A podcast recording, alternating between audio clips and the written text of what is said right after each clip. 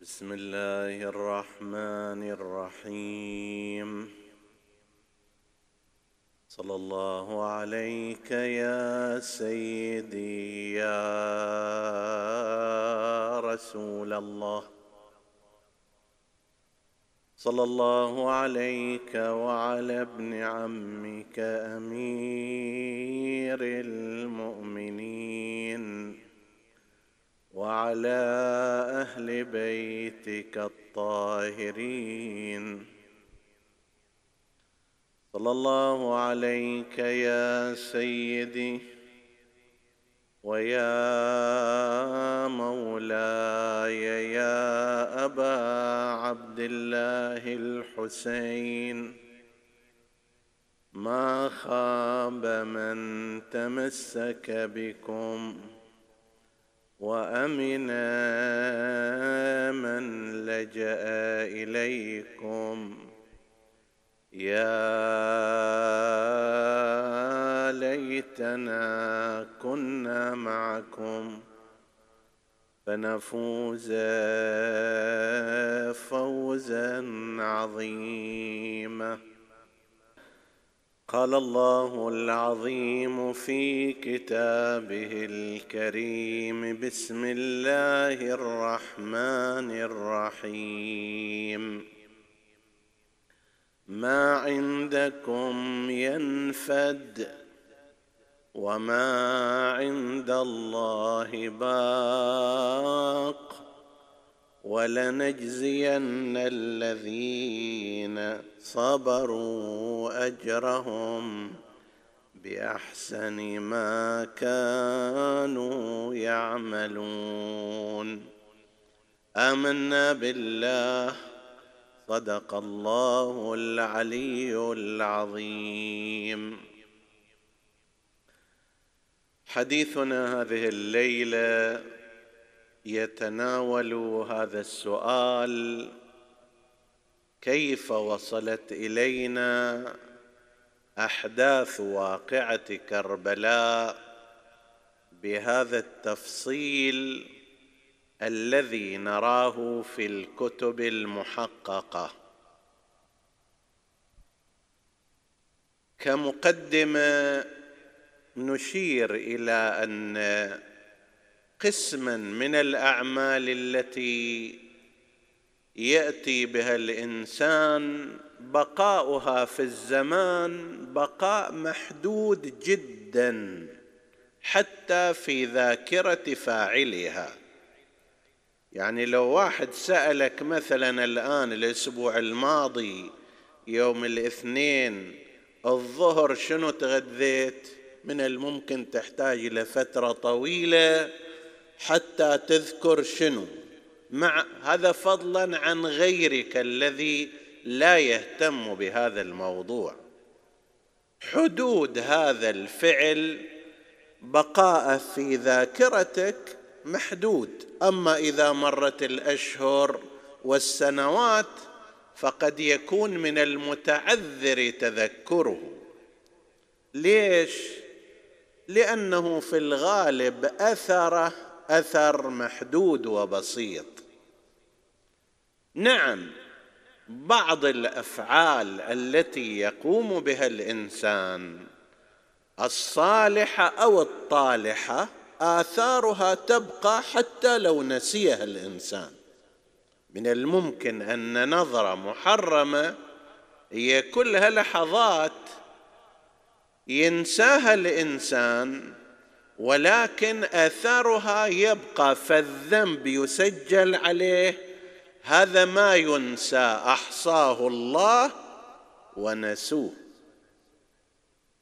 أثره أيضا من ظلمة القلب مثلا أو ما شابه ذلك قد يبقى ما لم يتبعه بالاستغفار والعمل الصالح. أما هناك أعمال طبيعتها أنها تبقى طبيعتها أنها تستمر مثل كثير من الأعمال الاجتماعية التي ترتبط بالناس. هذه لا بقاؤها أكثر. الناس يتذكرون عملك الصالح الذي قمت به في حقهم. لا سيما إذا شواخصه وشواهده باقية. الان لنفترض هذا المسجد الشريف المبارك من الممكن أن يبقى إلى مئة سنة وأكثر ويذكر هذا البناء وهذا الصرح بعمل العاملين فيه الذي جمع التبرعات والذي تكلم مع الناس والذي أدار العملية والذي والذي هذا يبقى إلى فترة طويلة. وأعظم من ذلك إذا كان الأمر امرا الهيا مرتبطا بالله عز وجل هذا بعد ما يحده الزمان. فإن القرآن الكريم يقول ما عندكم ينفد وما عند الله باق. انت شقد تقدر تمدح وتثني وتكتب وتبشر وتتكلم عن هذه الجهة أو تلك الجهة؟ بالتالي يوم من الأيام تذهب تموت. واللي أيضا نفس الشيء وراك يموت. لكن هذا العمل الصالح الذي أريد به وجه الله تكفل الله سبحانه وتعالى برفعه وإعلائه والعمل الصالح يرفعه. الله يعني. زين. هذه كمقدمة إحنا نذكرها لكي نقول أن بقاء القضية الحسينية لأنها أريد بها وجه الله عز وجل في الدرجة الأولى وإبقاء الإسلام بعد ذلك ونفع الناس بعد ذلك فإن من طبيعتها أن تبقى ولو أراد الظالمون كتمانها وطيها. هذا ما عند الله. الله سبحانه وتعالى الاعمال البسيطة يرفعها فكيف هذه التضحية العظيمة حتى ورد في حديث قدسي معروف يا ابن آدم عملك الصالح أنت تخفيه وعلي إظهاره أنا أظهره. مهما أنت خفيته أنا أظهره انشره أبينه للناس. فاولا نحن نعتقد أن القضية الحسينية ما دامت لله عز وجل فكان من الطبيعي أن ينشرها الله أن يبينها أن ينميها أن يحميها أن يثمرها أن لا تستطيع قوة على وجه الأرض من طمسها وإخفائها لأنها من الله عز وجل. هذا في الجانب الغيبي نعتقد به اعتقادا تاما. حديثنا الآن عن الوسائل التي تم فيها حفظ هذه القضية ووصولها إلينا. هذا الحديث يحتاج إلى كثير من البحوث التخصصية والحقيقة بحث جدا مفصل لكن إحنا نشير إلى إشارات مختصرة والحمد لله السامعون والسامعات يقرؤون من السطر كتابا لوعيهم ومعرفتهم. كيف انتقلت هذه القضية؟ اولا هذا إحنا حتى نجاوب بعض من يقول طبعا أشرنا إليه في ليلة مضى أنه إحنا القدر المتيقن اللي ندري عنه من كربلاء أن الحسين قتل بس هذا. وأما بقية التفاصيل وما جرى وما حدث فكلها احتمالات ولا دليل عليها. وهذا إذا القائل طبعا هو منسوب إلى أحد العلماء الفضلاء والنسبة كاذبة. زين؟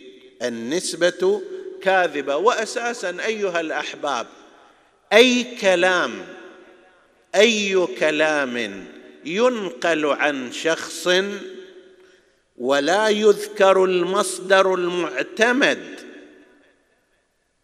في أنه قال هذا الكلام في الكتاب الفلاني وتروح تراجع. أو قاله بصوته في التسجيل الفلاني وتروح تراجع. إذا لم يكن في أحد هذين فهو كذب عليه إلى أن يثبت العكس. أي كلام يجيك؟ وهذه بلاء الآن صاير. الامام الصادق قال هكذا. تروح تدور وين قال؟ تستخدم مختلف وسائل أدوات البحث. ماكو هذا الحكي. هذا كذب على الإمام. في أيام شهر رمضان لو كان يصنع إنسان هذا الصنيع صومه يكون باطلا لكذبه على الإمام. زين. دون ذلك أن تكذب على بعض العلماء. قال العالم الفلاني كذا وهو لم يقل ولا يدري بهذا الكلام أصلا. ماذا يعني أنه اللي ثبت عندنا فقط أن الحسين قد قتل؟ هذا أشد أشد المتعصبين من اتجاه الأموي لم يقل هذا الكلام.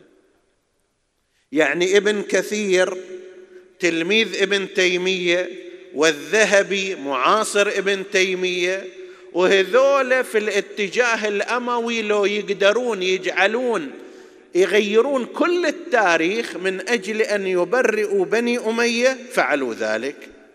مع ذلك الواحد منهم يكتب حوالي أربعين صفحة في مقتل الحسين عليه السلام. شنو معنى أنه المقدار الثابت من كربلاء أن الحسين قد قتل بس؟ ذاك الأموي شديد التعصب لذلك الجهة لتلك الجهة.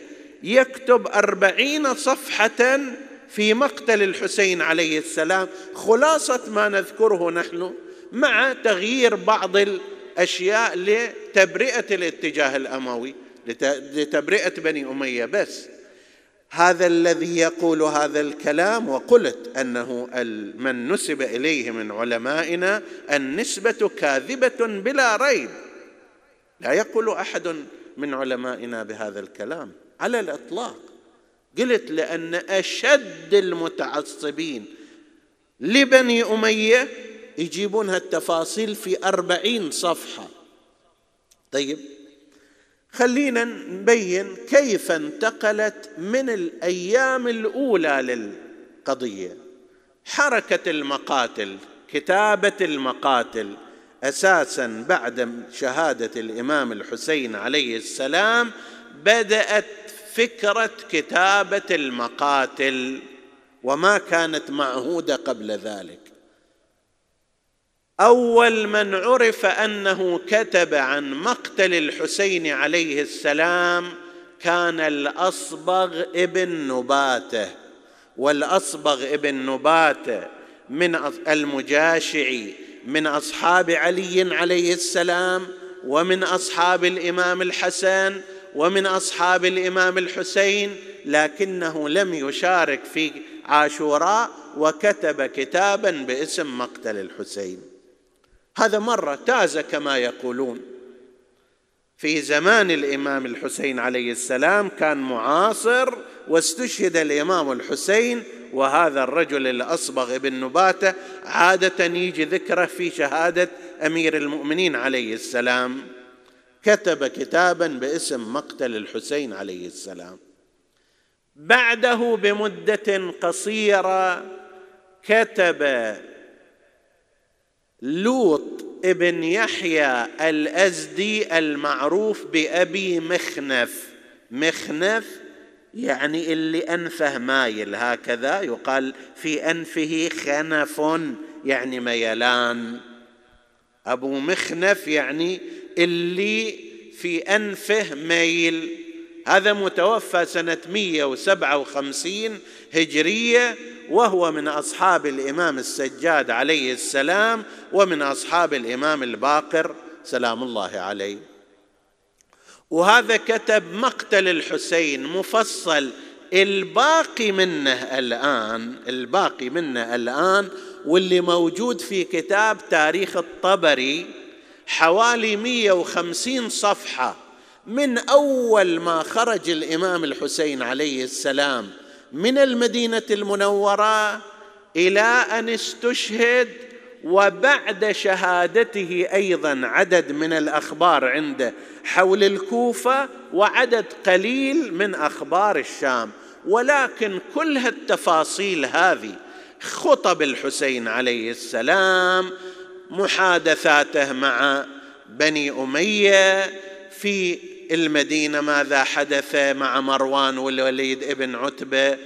شنو صار بينه وبين عبد الله بن الزبير؟ شنو الحكي اللي كان في الطريق من لقي إلى مكة المكرمة؟ في مكة شنو صار؟ المعركة القصيرة اللي دارت بين أنصار الحسين بين ركب الحسين وبين أنصار عمرو بن سعيد بن الأشدق الأموي. زين. محاولات عمرو بن سعيد اغتيال الإمام عليه السلام الوساطات اللي بينهما جرت تفاصيل كثيرة ثم خروجه من المدينة إلى خروجه من مكة إلى كربلاء من التقى في الطريق ماذا قال الإمام؟ خطبة توجيهاته كتب إلى البصرة إلى سائر الأماكن إلى أن وصلوا إلى كربلاء. ما جر ماذا جرى في كربلاء؟ الحر الرياحي وقضيته.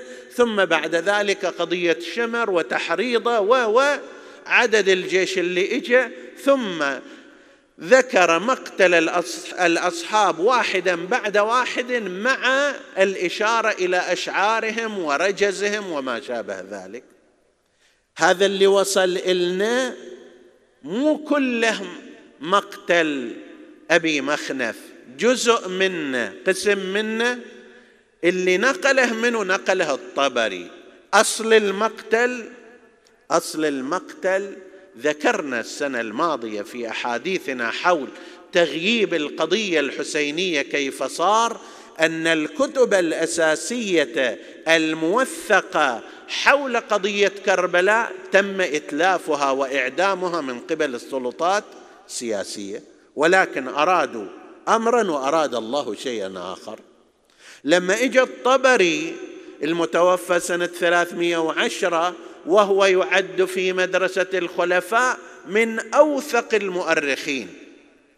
وأضبطهم وأدقهم. وما يكتب مثلا حدث كذا وكذا. لا يجيب السند ماله. حدثني فلان عن فلان عن فلان عن فلان جرى هذا الأمر. وهذا من أعلى درجات التوثق والتحقق. فنقل في كتابه هذا تاريخ الطبري هذا تقريبا المية وخمسين صفحة طيب اللي وردت في مقتل أبي مخنف. ولولا الطبري نقلها لضاع علينا هذا التراث بالكامل.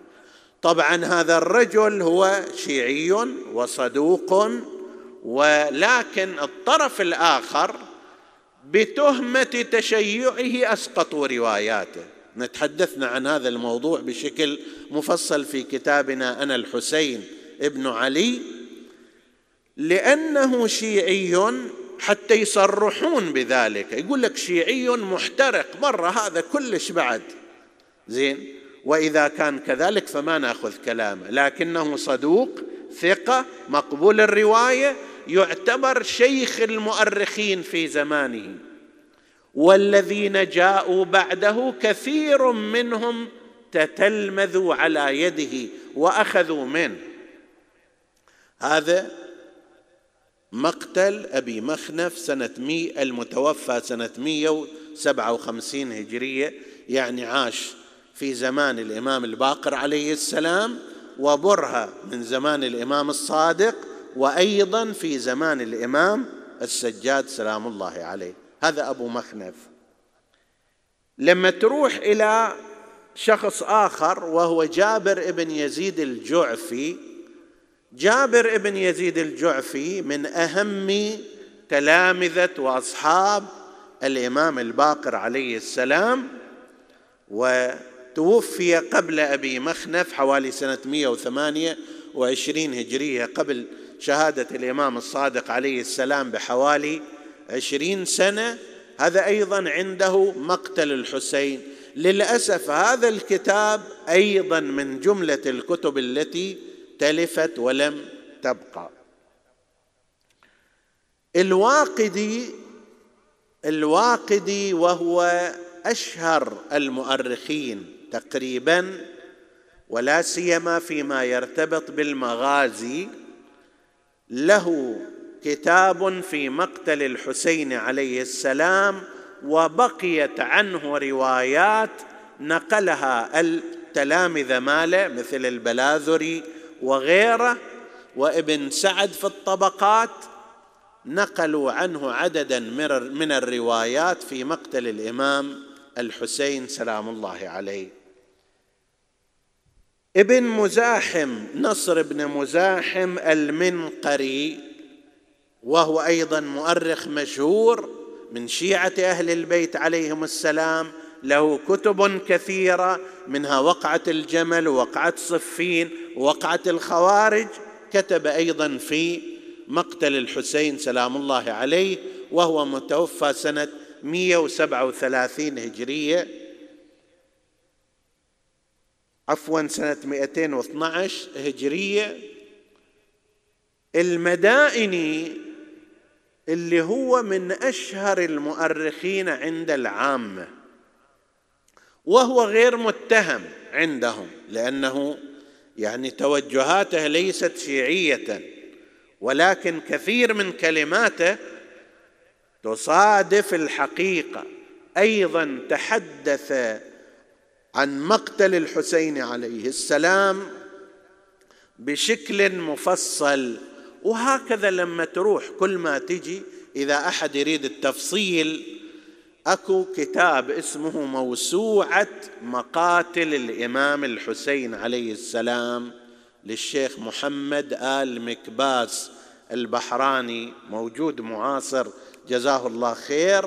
هذا جمع المقاتل الباقية إلى سنوات متأخرة من مقتل أبي مخنف إلى مثل مقتل الشيخ الصدوق سنة المتوفى سنة 381 مقتل ابن قتيبة الدينوري كذلك ومقتل الطبري وآخرين كله جعله في كتابين ضخام لعلهما يصلان إلى ألفين صفحة تقريبا. وهو لمن أراد أن يتتبع هذا الموضوع ويقارن بين المقاتل ويشوف النقاط المشتركة اللي عليها ما يشبه الإجماع بين المؤرخين. يقدر هذا يستفيد من هذا الكتاب وهو جهد مشكور.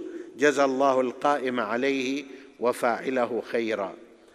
فإلى سنة 300 تاريخ الطبري تاريخ ابن الأعثم الكوفي وغيره في مقتل الحسين عليه السلام هذه الكتب الكبيرة بمعدل مئة إلى مئة وخمسين صفحة كل واحد من هذه الكتب ذكرت مقتل الحسين عليه السلام.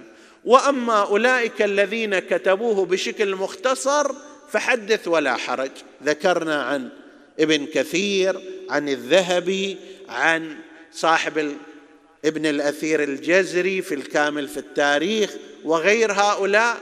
هذول كتبوا أقل من هالمقدار لكن هؤلاء من ذكرناهم وهم من حوالي سنة مية أو دون ذلك إلى سنة 315 314 عدد كبير من هؤلاء ذكروا مقتل الحسين فيما لا يقل عن مئة صفحة وفي بعض الأحيان يصل إلى مئة وخمسين صفحة بالتفصيل الكثير.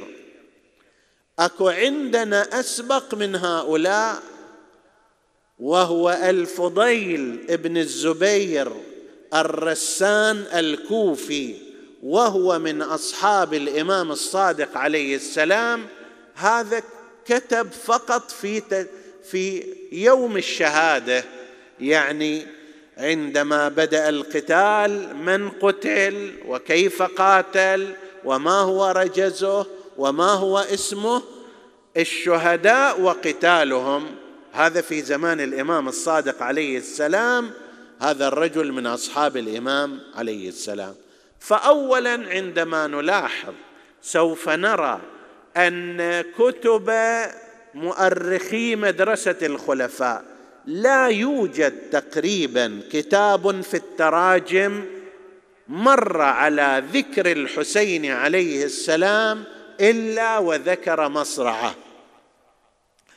ابن سعد البغدادي في الطبقات متوفى حوالي سنة 230 هجرية عنده كتاب اسمه الطبقات الكبرى في معرفة الصحابة. لما يوصل إلى قضية الإمام الحسين عليه السلام حوالي ثمانين صفحة يكتب في ترجمة الإمام الحسين وفي بيان شخصيته وأكثرها في قضية نهضته ومصرعه. طبعا هذا توجه شوية توجه مخفف لأنه كان من ندماء المتوكل العباسي. فكان من الطبيعي الا يذكر كل الحقائق وإنما يلاحظ أن المتوكل هذا رجل ناصبي بالنسبة إلى أهل البيت عليهم السلام. بس هالمقدار اللي كتبه ليس شيئا قليلا.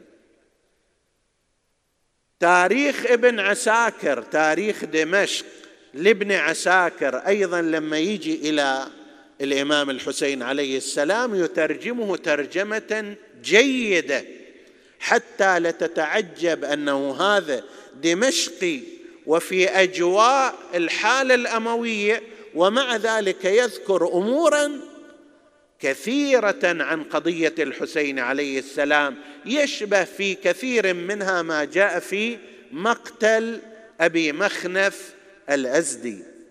فهؤلاء كتبوا وغيرهم كتب بحيث تم تناقل هذا المقتل وهذا المصرع بل الحركة الحسينية من بدايتها في قضية المدينة المنورة 27 رجب إلى شهادة الإمام الحسين عليه السلام وبعضهم إلى ما بعد ذلك. هذا قضية المقاتل. الأمر الثاني أن الذين كانوا حاضرين في كربلاء كشهود عيان. كانوا على قسمين قسم في معسكر الأعداء وقسم في معسكر الحسين. وكل واحد من هؤلاء نقل قسما من المعركة. وهذه هي طبيعة الأحداث. يعني الآن لنفترض لو أن حدثا صار في هذا الشارع وكان هناك حاضرون أكثر الحاضرين عندما يذهبون إلى منازلهم أو مجالسهم ينقلون الخبر إذا كان فيه غرابة. هذا أمر طبيعي عند البشر. زين الآن معركة استمرت مدة ثمانية أيام يعني منذ حصول منذ وصول الحسين إلى كربلاء إلى أن استشهد ثم بعد ذلك قضية الكوفة والسبي ثم بعد ذلك قضية الشام. هذه حوادث هزت الوجدان المسلم أمر غير طبيعي أصلا. حتى لأجل غرابتها كان من الطبيعي أن ينقلها ناقلوها عنه. فقسم نقلوا من المعسكر الأموي وأشهرهم حميد بن مسلم الأزدي أو حميد الظاهر أنه حميد. هذا الرجل من هنا وفي أماكن أخرى يتبين أن دوره كان أشبه بدور الصحفي والمراسل. أكو كان في الحوادث التاريخية من هالقبيل لا سيما في المعارك. واحد ينقل شنو صار منه برز منه قتل منه انقتل ماذا قال ماذا حدث ويدون ذلك. حميد ابن مسلم الأزدي أو حميد كما هو المشهور كان من هذا القبيل. لذلك قسم كبير من الروايات التي نقلت نقلت عنه. مثلا أبو مخنف ينقل عنه إما مباشرة في بعض الروايات أو بواسطة شخص آخر عن هذا الرجل. لعلك تقول هذا إنسان في صوب بني أمية. كيف تنقل عنه الجواب على ذلك؟ هذا أدعى إلى الصدق.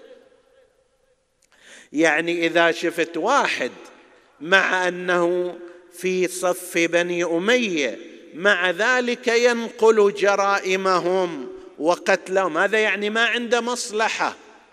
إذا لا قال مثل ما إحنا عندنا تشكك في كلامه مثلا عندما يقول أنه أنا سويت هالشكل ومنعته أن يصنع كذا وما خليته ياذي النساء ما خليته ياذي الإمام زين العابدين هني لازم نخلي علامة استفهام. ليش؟ لأن هذه شهادة للنفس قاعد يمدح نفسه. أما إذا كان بالعكس هو إنما ينقل جرائم بني أمية وأفعالهم وأعمالهم فهذا ما عنده مصلحة في ذلك بالعكس أحيانا من الممكن أن يتعرض للمساءلة من الممكن أن يتعرض للأذى فإذا مع ذلك نقلها يتبين أن هذا النقل نقل صادق وصحيح لا سيما إذا اعتضد بنقل غيره أيضا وهذا الذي كان موجودا. فهذا حميد ابن مسلم واحد من أولئك. بعض الذين مارسوا جرائم مباشرة مثل كعب بن جابر. كعب بن جابر هو الذي قتل برير بن خضير فلما رجع إلى الكوفة أخذ يتباهى. أنه أنا الشكل اعتركت معاه وتماصعت معه على التراب ولولا أن فلان جاء وضربه بالسيف لكان الآن أمري غير شكل وإن له علي دين إلى يوم القيامة. وزوجته أخذت تعاتبه كيف أعنت وقتلت سيد القراء؟ هذا المفسر الأكبر في الكوفة اللي كان يعلمك ويعلم أمثالك. القرآن تلاوة وتفسيرا كيف قتلته فعند ذلك الوقت تمثل بشعر يفتخر فيه. من هالنوع قسم غير قليل من الأفراد كانوا بدافع بيان إما أنه أنا كنت مقاتل شديد أو أنه أنا قتلت فيهم أو أنه أنا كنت جريء. أو ما شابه ذلك. فكان بعضهم يقص على الناس ما جرى منه وما حصل منه. اجمعت هذه الروايات صارت تشكل جزءا من المقتل. ومن ذلك مثلا من هؤلاء هذا الهلال المخسوف هلال ابن نافع. أكو اشتباه يصير احيان كثيرة بين هلال ابن نافع ونافع ابن هلال. تقديم وتأخير هذا من جند بني أمية وذاك من خلص أصحاب الإمام. النافع الذي نفع نفسه من أصحاب الحسين عليه السلام اللي لما رأى الحسين خرج وحده طلع وياه حتى يحافظ عليه. فقال له الإمام الحسين أترى هنا؟ قال إي أرى ظلام. قال له خذ بين الجبلين وارجع إلى أهلك. فقال له سيدي وأتركك؟ قال بلى. قال أكلتني السباع حيا. إن فعلت ذلك. هذا نافع ابن هلال. أنت ميزه بالاسم المقدم. نافع نفع نفسه. هلال هلال مخسوف. هذا هلال ابن نافع اللي كان من جملة بني أمية وهو وقف على مصرع الحسين عليه السلام وهو في صف بني أمية ويقول أنا إجيت إلى الحسين وهو صريع حتى أجهز عليه. يقول كنت واقفا عند الحسين وهو يجود بنفسه فما رأيت قتيلا مضمخا بدمه أحسن منه وقد شغلني نور وجهه عن الفكرة في قتله. أنا جاي حتى أقتله وأخذ الجائزة. نور وجهه شغلني عن الفكرة في قتله. فاستسقى في هذه الحال ماء فأبوا أن يسقوه. بين قوسين هسه ولو يعني إلى الان ما وصلنا إلى شيء من الحديث كامل. هذا التوجه أن الحسين ما طلب الماء وما أخذ من من هؤلاء. هذا مخالف للحقائق التاريخية. أنا أقول الحسين عزيز نفس فما يطلب ماء لا من يقول لك كذلك؟ قد يكون واجبه الشرعي أن يطلب الماء. وما المانع من ذلك؟ قول ما يصير دل من يقول أن هذه ذلة؟ فقسم من الناس يقول زينب ما تقول هالشكل لأن ذلة. فلان ما يقول هالشكل لأن ذلة. فيشكل بعض الأشخاص الحسين حسب المقاس اللي هو يريد. ليس صحيحا. ترجع إلى التاريخ وانظر إلى الروايات الموثقة وبعضها عن أئمة الهدى عليهم السلام. تجي تقول لا ما قال. طيب إذا الإمام يقول إذا التاريخ يوثق هذا أساسا اللي في بالك أن هذه الذلة وهذه كذا ليس كذلك. أنت فاهم غلط. أنت مسوي في ذهنك شخصية للحسين الرجل الحديدي اللي ما عنده عواطف واللي ما عنده كذا. ما يبكي الحسين. ليش ما يبكي الحسين؟ ما ينزل إلى وداع ابنته سكينه كذا وكذا. ما يطلب لطفله الماء. هذا أنت مخلي في بالك. فد شخصية عن الحسين. وليس هو الحسين الحقيقي. طيب هنا يجي يقول أنا جاي حتى أقتله. شوف حتى ينقل مثلا هنا ما في واحد. عدو بينقل كذب بيكذب أن وجه الحسين كان منير وهو عدوه وأنا جاي أقتله. لكن شغلني نور وجهه عن الفكرة في قتله فاستسقى في هذه الحال فأبوا أن يسقوه. هذا واحد. وآخرون مثل الذي سأله عبيد الله بن زياد كيف كانوا وكيف كنتم؟ قال ثارت علينا عصابة أيديها في مقابض سيوفها كالأسود الضاريه تحطم الفرسان يمينا وشمالا وتلقي أنفسها على الموت لا تقبل الأمان ولا ترغب في المال ولا يحول حائل بينها وبين الورود على حياض المنية أو الاستيلاء على الملك. هذا مو لعبيد الله بن زياد لواحد من أصحابه. يقول له ليش قتلتوهم ليش ما كفيتوا عنه؟ يقول فلو كففنا عنها رويدا لأتت على العسكر بكامله فما كنا فاعلين لا أم لك. شنو كنا نسوي؟ هذول جماعة مستقتلين. لو شوية كنا قاعدين عنهم لأتوا على الجيش بكامله. يقول له ذاك ليش قتلتوهم هذول جماعة قلة عدد قليل ومنسوبين إلى رسول الله. هذا واحد من معسكر الأعداء. هاني بن ثبيت أو ثبيت الحضرمي يقول إني لواقف عاشر عشرة لما صرع لما صرع الحسين إذ نظرت إلى غلام فأقبل عليه رجل. طبعا هو نفسه بس أراد أن يخفي هذا الأمر. لما قضية مصرع عبد الله بن الحسن لما جاء إلى عمه الحسين وجلس في حجره وجاء رجل ليضرب الحسين عليه السلام فتوقع الطفل عبد الله تلك الضربة حتى لا تصير على عمه الحسين فأطنها وتعلقت بجلده. قطع إيده وقال يا عم لقد قطعوا يدي. هذا هو نفسه هاني بن ثبيت الحضرمي لكنه كنا عن نفسه. روايات ثانية تجيب اسمه هو يقول شخص هالشكل سوى. ومثل مسروق ابن وائل الحضرمي قال كنت أول الخيل لعلي أصيب رأس لعلي أصيب رأس الحسين فأحظى به عند ابن زياد فلما رأيت ما صنع بابن حوزة ابن حوزة اجى شاف الحسين قد أحاط مخيمه بالنار حتى لا تقتحمه الجي لا تقتحمه الخيل الخيل إذا شافت النار خلاص ما تدخل. فالإمام صنع حزام حماية من الخلف إلى المخيم. فلما اجى ابن حوزة قال يا حسين تعجلت في النار؟ قبل يوم القيامة؟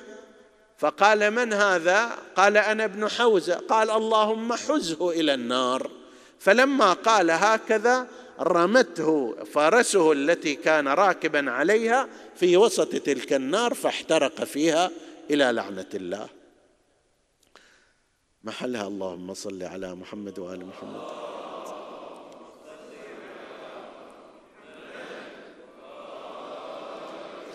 يقول أنا كنت في مقدمة الجيش حتى أحصل رأس الحسين وأحصل الجائزة بالتالي.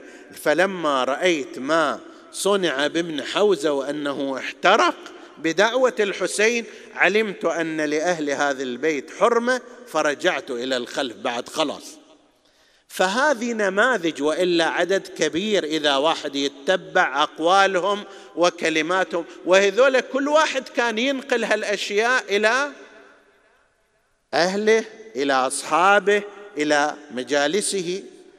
أكو قسم آخر شهود الذين كانوا في معسكر الحسين عليه السلام.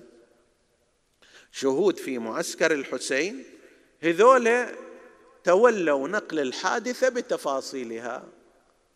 منهم غير المعصومين وغير أهل البيت مثل الضحاك ابن عبيد الله المشرقي. هذا تعاهد مع الحسين عليه السلام أن ينصره ما دام هنالك ناصر له. أقاتل وياك إلى الحد اللي وياك ناس. إذا خلصوا الناس أنا في حل الإمام الحسين قال أفعل ما بدا لك طبعا هذه خسارة. أن واحد يوصل إلى باب الشهادة وبعدين يسكر على نفسه. بس الحسين يقبل من كل أحد استعداده. فقال له ما يخالف؟ فعلا سوى الأمر هكذا. ولما قتل كان يقاتل وياهم إلى أن تفانوا باجمعهم ما بقى أحد من الأصحاب. إجا وقال إلى الحسين أنا على الوعد مالي. قال له الآن شلون وقد أحيط بك؟ قال لا أنا كنت حاسب له الأمر. خليت الفرس مالي داخل الخيام حتى لا تعقر لا تضرب بالسهام. والآن أروح الشكل وأضربها في الاتجاه المخالف وأمشي. قال كما تشاء. ففعلا فر من ذلك المكان. لم يفز بالشهادة خسرها. لكن صار هو الشخص اللي نقل أحداث الواقعة إلى ما قبل مصرع الحسين عليه السلام. أكثر الروايات تنتهي إلى هذا الرجل أنه حدثنا الضحاك ابن عبيد الله المشرقي قال كذا وكذا وكذا وصار المقتل يروى في أكثره عنه وربما كان هذا من التدبير أنه هذا الرجل لا يقتل ويرجع بهذه الصورة. نعم هو لم يفز بالشهادة. عقبة ابن سمعان مولى الرباب بنت امرئ القيس زوجة الحسين عليه السلام. هذا كان مثل الخادم عند الرباب زوجة الحسين عليه السلام.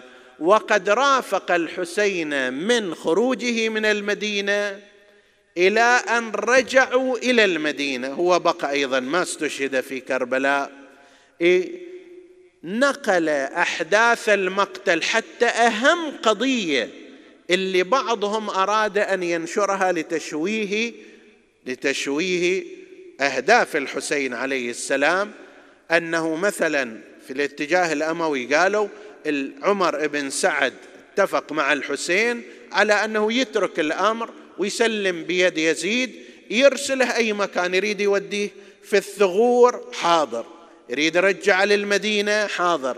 يريد يخليه يجي بايع حاضر. مكذوب على الإمام الحسين. فهذا عقبة ابن سمعان. في المدينة لما رجع كان يحدث كنت مع الحسين منذ خرج من المدينة وإلى أن استشهد فلا والله ما سمعته. يقول ما يقول الناس من أنه يضع يده في يد يزيد أو يرسله إلى بعض الثغور. هذا كذب ما إلى أصل. فهذا أيضا واحد من شهود العيان الذين كانوا هناك.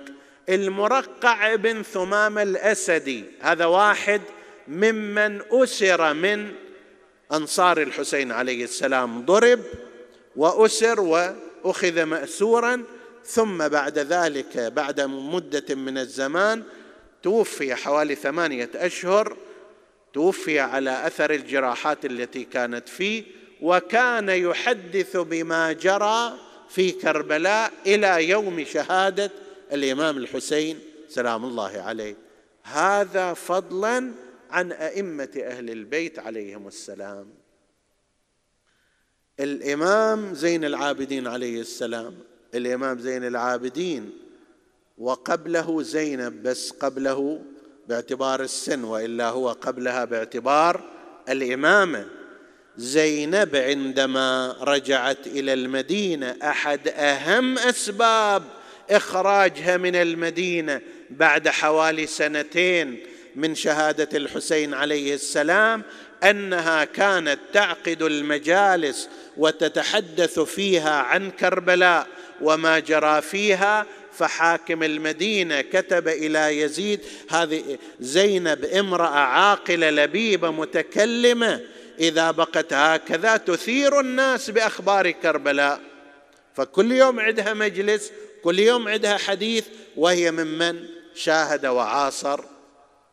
الإمام زين العابدين عليه السلام أيضا تحدث وروى على الأقل لابنه الباقر سلام الله عليه. هذا إذا ما نقول إلى كل أصحابه على الأقل إلى أبنائه كان يروي ذلك وإلا موجود منقول روايات عن الإمام زين العابدين عليه السلام. الإمام الباقر عليه السلام من الأحاديث المطولة عنه وقد نقلها حتى بعض كتب مدرسة الخلفاء كالطبري وغيره. قال عمار الدهني وهو من أصحاب الإمام الباقر يا ابن رسول الله حدثني حديث كربلاء حتى كأني حضرتها. أريد تحدثي لي بالتفصيل عن قضية كربلاء. بالنحو الذي كأني قاعد هناك بالتفاصيل أريده. وبالفعل الإمام الباقر عليه السلام حدثه بحديث طويل جدا اقتطعه الطبري في مناسبات استشهد به. هذا الإمام الباقر عليه السلام والإمام الصادق أيضا كذلك وأهل البيت عليهم السلام كان عندهم عناية في هذا الباب ولو تيسر الوقت لبعض المؤلفين والمحققين والباحثين أن يتتبعوا مصيبة كربلاء من لسان أئمة الهدى عليهم السلام لوجدوا شيئا كثيرا جدا. الحمد لله في هذه الفترات الأخيرة قاعدة تتألف موسوعات وكتب مفصلة في المقتل وتنحو منحى التحقيق والتدقيق وهذه أعمال مشكورة. المرحوم سيد جعفر مرتضى العاملي عند كتاب الحسين أو سيرة الحسين في التاريخ والأدب والعلامة الشيخ الريشهري عنده كتاب الصحيح من مقتل سيد الشهداء وغير هؤلاء أيضا عندهم. لا نريد أن نقول هذا هو نهاية المطاف أو أن هذا هو هو الصحيح غيره مو صحيح. لا هذا لا نقوله. هذه عملية اجتهادية ومحاولة تحقيقية يثنى على القائمين بها سواء المرحوم العاملي أو الشيخ الريشهري في هذا في هذا الكتاب أو غيرهما في سائر الكتب. نسأل الله أن يوفق الباحثين والعلماء للكتابة أكثر عن نهضة الحسين عليه السلام. نسيت أن أشير إلى العمل الجيد الذي قام به العلامة الشيخ محمد هادي اليوسفي في كتابه واقعة الطف. هذا اجى وأخذ ما روي من مقتل أبي مخنف وسوى دراسة ممتازة عليه وبين أهمية وإيجابيات وميزات مقتل أبي مخنف لوط الأزدي ونشره بعنوان واقعة الطف وهو بالتالي عمل مقدر جدا وله عليه تعليقات وتحقيقات وما شابه ذلك. نسأل الله لهؤلاء ولجميع من يعمل في هذا السبيل التوفيق والتسديد والتأييد. فإذا واحد اجى وقال أنه الشيء اللي عندنا عن, عن كربلاء فقط أن الحسين قد قتل إما واحد يشكك في نياته وليس من عادتنا ذلك. وإما أن يقول أن هذا جدا بعيد عن التحقيق وعن العلم وعن التتبع التاريخي. وكما قلت نسبته إلى بعض علمائنا الفضلاء نسبة كاذبة ولا تصح ابدا. نعم في بعض التفاصيل قد نحتاج إلى تحقيقها إلى النظر فيها مثل ربما من الخطباء أو من يشبه من الممكن أن يأتي بكلمة زائدة أو ناقصة من كتاب أو غير ذلك لكن ليس هذا الكلام عن هذا الاتجاه. الكلام عن المقتل الأصلي الذي يقرأ والذي تم الحفاظ عليه من بداية خروج الإمام إلى شهادته بل إلى رجوع السبايا. هذا بنيته الأساسية موجودة ومحفوظة ومدونة باقلام متعددة من مدرسة أهل البيت ومن مدرسة الخلفاء ومن شهود عيان من هالطرف ومن شهود عيان من ذلك الطرف. وهذا ينبغي أن يكتفى به. نسأل الله لنا ولجميع من يعمل في نشر القضية الحسينية والحرص عليها الثواب والأجر والجزيل ولنعلم القاعدة التي افتتحنا بها. ما عندكم ينفد وما عند الله باق. أخي زينب تعزي بعزاء الله. إحنا مقصودنا هو الله سبحانه وتعالى. إذا نروح أيضا واعلمي أن أهل الأرض يموتون وأهل السماء لا يبقون. ولي برسول ولهذا الخلق برسول الله أسوة حسنة. فما داموا قد تعلقوا بالله عز وجل ووهبوا ربهم ما يستطيعون هبته فإن الله سبحانه وتعالى يهب لهم الخلود وهذا هو الذي حصل. في مثل هذا اليوم صباحا ينطلق يبدأ الاستعداد للخروج من كربلاء. الانطلاق يظهر كان حوالي الظهر ولذلك وصلوا بحدود المغرب إلى الكوفة مثل هذا الوقت الآن.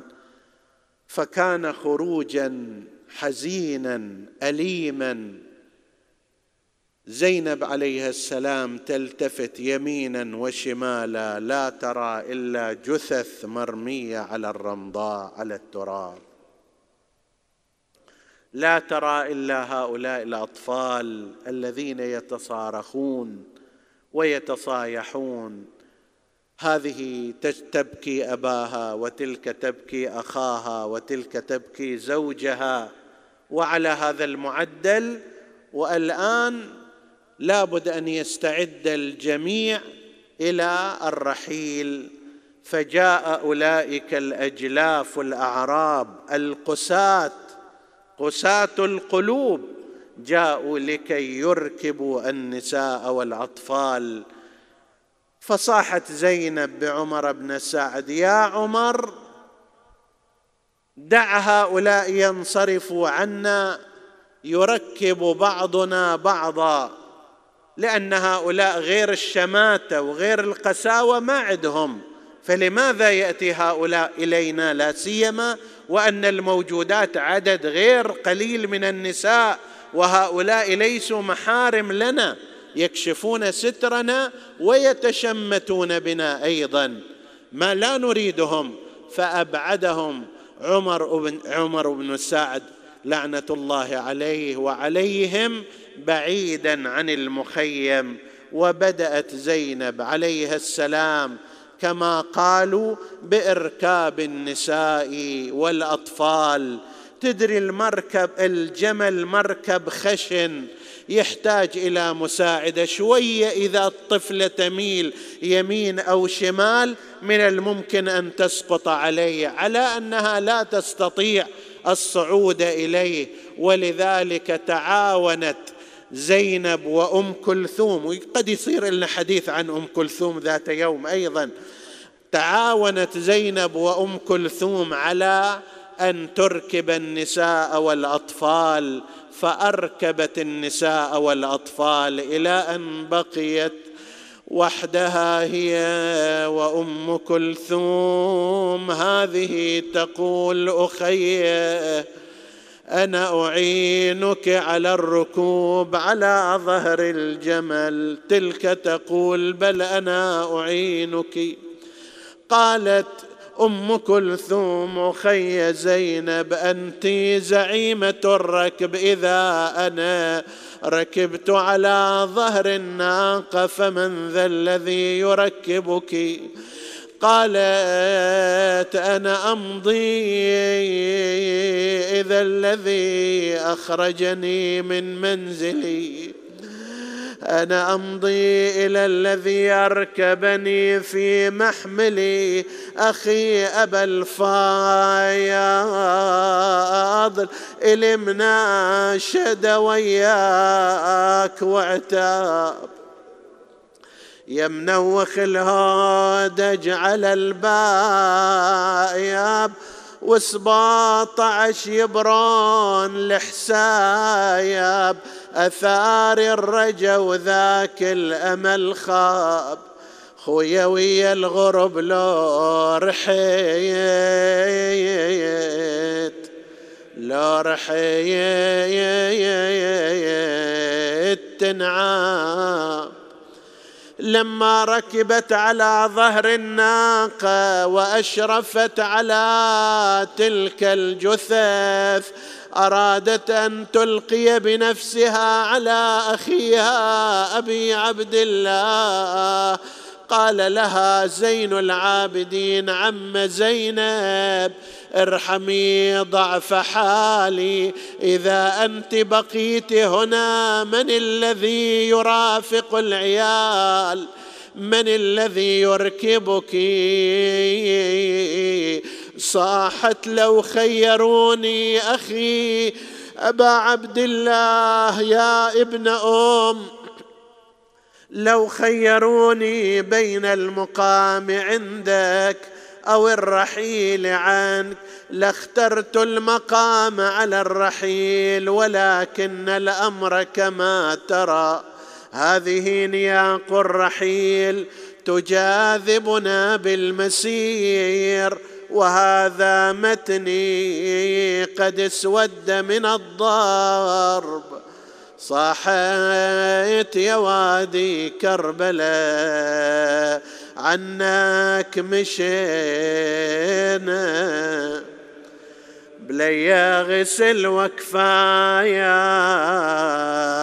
خلينا ولي. أنا غصبا علي سافريت يا مهجة حشا. يا حسين يا الماضاق من قبل الذبح ماي فارقت جسمك عالثرايا والراس وياه فوق الرمح مشهور يبرى للضعينة وصدت للمسنات والعبرة جرية. صاحت يا راعي المشرعة زينب سبية. خويا عقب الخدر للشايام يردوها هدي ويلي جبتنا قوم ردنا للمدين. ففارقت ولكن قلبها معه. اغفر لنا ذنوبنا كفر عنا سيئاتنا يا الله.